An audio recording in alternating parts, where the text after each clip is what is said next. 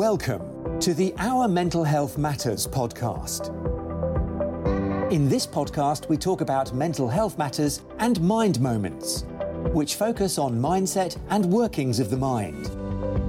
Introducing your host, Dr. Lade Abua, Specialist Registrar in Child and Adolescent Psychiatry, a medical doctor with a passion for mental health matters and children.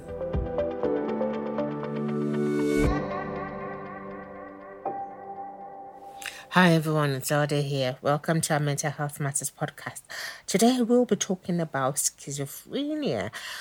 So, schizophrenia is um, a word that makes people very uncomfortable because there has been so much um, coverage in the media, negative coverage in the media um, about schizophrenia, and there's a negative perception out there about uh, schizophrenia. So, it, it, it is something a lot of people uh, don't like to hear because it's come to be associated with violence. And um, I have to start off by saying that uh, not, all, not all schizophrenics are violent, and it is, all, it is a, just a certain minimum percentage of uh, schizophrenic, schizophrenics who are violent. And I have to say, um, it, it, is really quite um, stigmatizing when um, people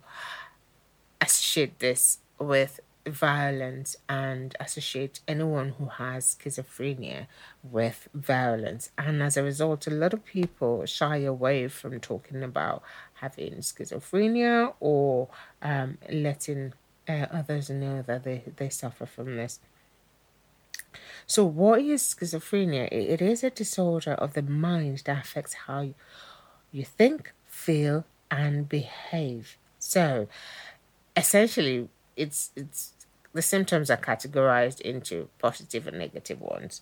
There's uh, the positive um, symptoms, which are unusual experiences, and often people who have schizophrenia experience them uh, now and then, and they tend to be in, in schizophrenia they tend to be quite intense and troublesome um, and also distressing to the people who have them.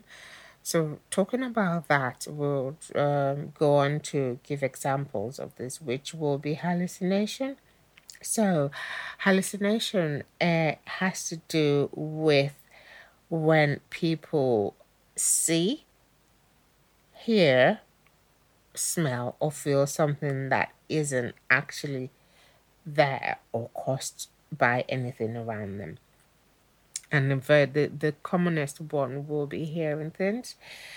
So um, I have to talk about this a little bit because with there's there is um a community on a, a, a group of people who hear things and don't have schizophrenia or who hear things and are are not categorized as having hallucination.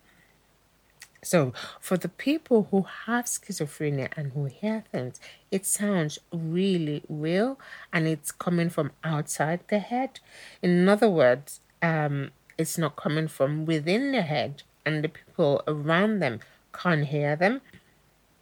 And they can be directed at you, or they can uh, be like talking amongst themselves. Likewise, it could be pleasant and it could be um, derogatory or, you know, commanding and asking uh, the individual to do something. Now, the derogatory and commanding one can be quite uh, difficult and distressing for people who feel them, as uh, you know, um, criticism has a negative effect on everybody, and they hear these voices telling them derogatory things, you know, round the clock, and with little or no break. And we we can imagine how uh, distressing that will be for the individuals who have them.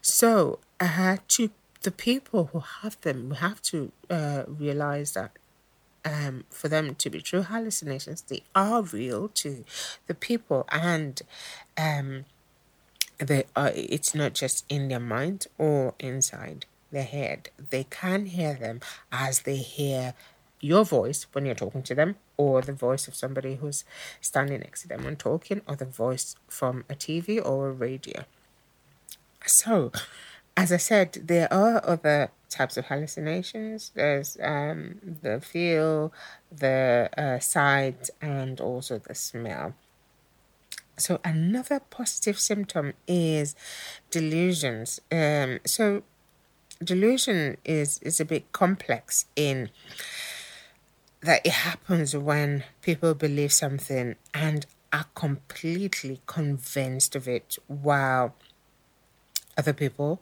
uh, will think that's not the case or uh, the person has misunderstood what's happening and it's uh, something we have uh, to be sure it can be explained by the person's background or the person's religious beliefs or the person's cultural background as well. So, examples will be um, certain cultural beliefs uh, that we have in different, you know, continents across the world. So, for, for these individuals, they're not necessarily delusions. They are uh, what is attributed to that culture in that environment. And um, with delu- delusions, knowing that it's it's um, absolutely, uh, or knowing that the individual is absolutely convinced of it, and the person has little or no doubt as to uh, their belief in that particular thing.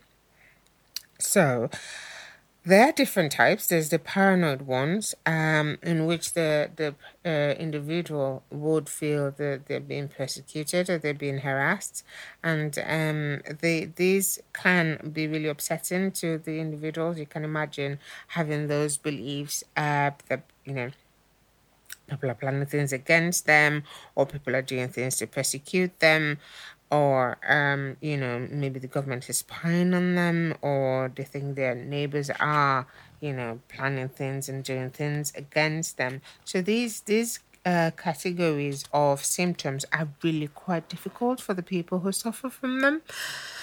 And um, also as I, as, I, as I was saying in terms of um, uh, delusions and believing um, neighbors or people are uh, thinking oh planning things against them. There's something we also call uh, ideas of reference where uh, they attach special meanings to uh, ordinary things that occur.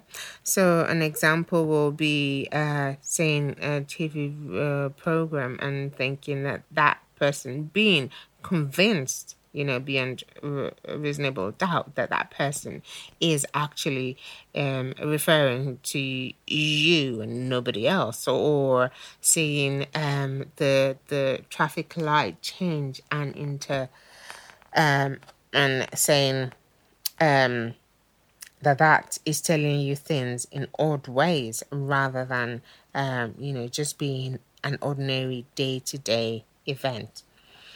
So, um, we've talked about hallucinations, we've talked about delusions, we've talked about ideas of reference. The other bit is muddled thinking, and muddled thinking will be where you know um, there's um, you know the thoughts are a bit jumped up. Uh, there's no clear connection between you know, the, the, the uh, thinking, or there's no clear pattern, or no clear um, outline of how the thought has progressed and it's all jumbled and disconnected. So, going on to negative symptoms. So, negative symptoms is, um, you know, it is characterized by what we would ordinarily not um, attribute to um, schizophrenia, which um, a lot of people um, can um, maybe overlook, and that's why negative symptoms tend to be worse. Whereas the positive symptoms, uh, you know, people tend to react quickly and think, oh, there's something going on here. But negative symptoms can slip under the radar. So this these ones are where you know the people just you know, withdraw from everybody around them. Um, they're not mixing. They're just uh, they just lose interest. Um, that get up and go and motivation to do things just uh isn't just isn't there. Um, and then uh, others will be you know difficulty concentrating, feeling uncomfortable around people not taking care of themselves and neglecting themselves, their normal uh, self care, their normal day to day self care, or normal day to day process of looking after themselves, their activities of daily living uh, tend to ignore and uh, they tend to withdraw and stay in the house more. So, as, as I said, negative symptoms are things that can quietly slip under the radar, and um, because the positive symptoms tend to um, draw more attention, but they are things we also need to pay attention to. So, how common do we say schizophrenia is? It affects about one in every hundred people over the course of their life uh, it seems to affect to affect men and women equally. Um, not um, there isn't, as far as we know, um, uh, very uh, more more of the presentation in any particular gender. And the ages of presentation tend to vary as well. Um, unlike some mental health disorders where we have uh, them occurring um, at uh, specific ages. But that, the other key to note, though, is it tends not to it tends to be rare before the age of 15 so as mental as a lot of mental health disorders we don't know the actual cause but there are things that have been associated with it. Ge- gen- genetics is one. It's um uh, more likely to happen in people who have family members who have schizophrenia already. As I said, it's about one in 10 people, rather than about one in 100 uh, within uh, general populace, it's about one in 10 with people who have family members who have schizophrenia. And it's also uh, been found with genetics to um, be uh, more common uh, with uh, identical twins because they more or less have close genetics, uh, closer genetics than you know the other members of the family. Um, the other things that have been associated is uh, drugs and alcohol. There is the um, huge um, talk about cannabis and schizophrenia and uh, psychosis. So the heavy use of cannabis has been proven time and again through uh, research uh, to predispose people to having psychotic symptoms and as well uh, schizophrenia. Um, another thing will be brain damage. Others will be stress, family problems, difficult childhood. So these are the things that research has shown are associated with schizophrenia, not necessarily the causes. So, how is schizophrenia managed? As mental, as a lot of mental health disorder, it, it is we use the um, biopsychosocial model, uh, which is medication, therapies, and then looking at um, social circumstances and how things can be done to um, help the individuals having the mental health disorder. So, with medications, mostly antipsychotics that are used. I'm not going to talk about um, medications as I tend not to talk about medications because this is based on individual um, circumstances, choice, and is usually best to be done with uh, the mental health professional treating the person. So, but there are medications that treat schizophrenia, and the medications have uh, helped uh, people who um, have schizophrenia. So, about four in five people uh, who use the medications have gotten help from them.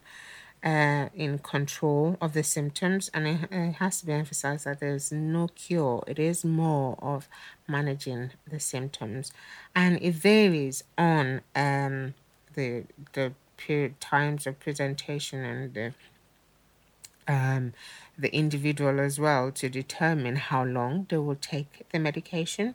There is also therapies, so there's a specific uh, cognitive behavioral therapy that has uh, been um, formulated by people who've done a lot of research into, um, uh, you know, therapies, psychotherapies for uh, schizophrenia.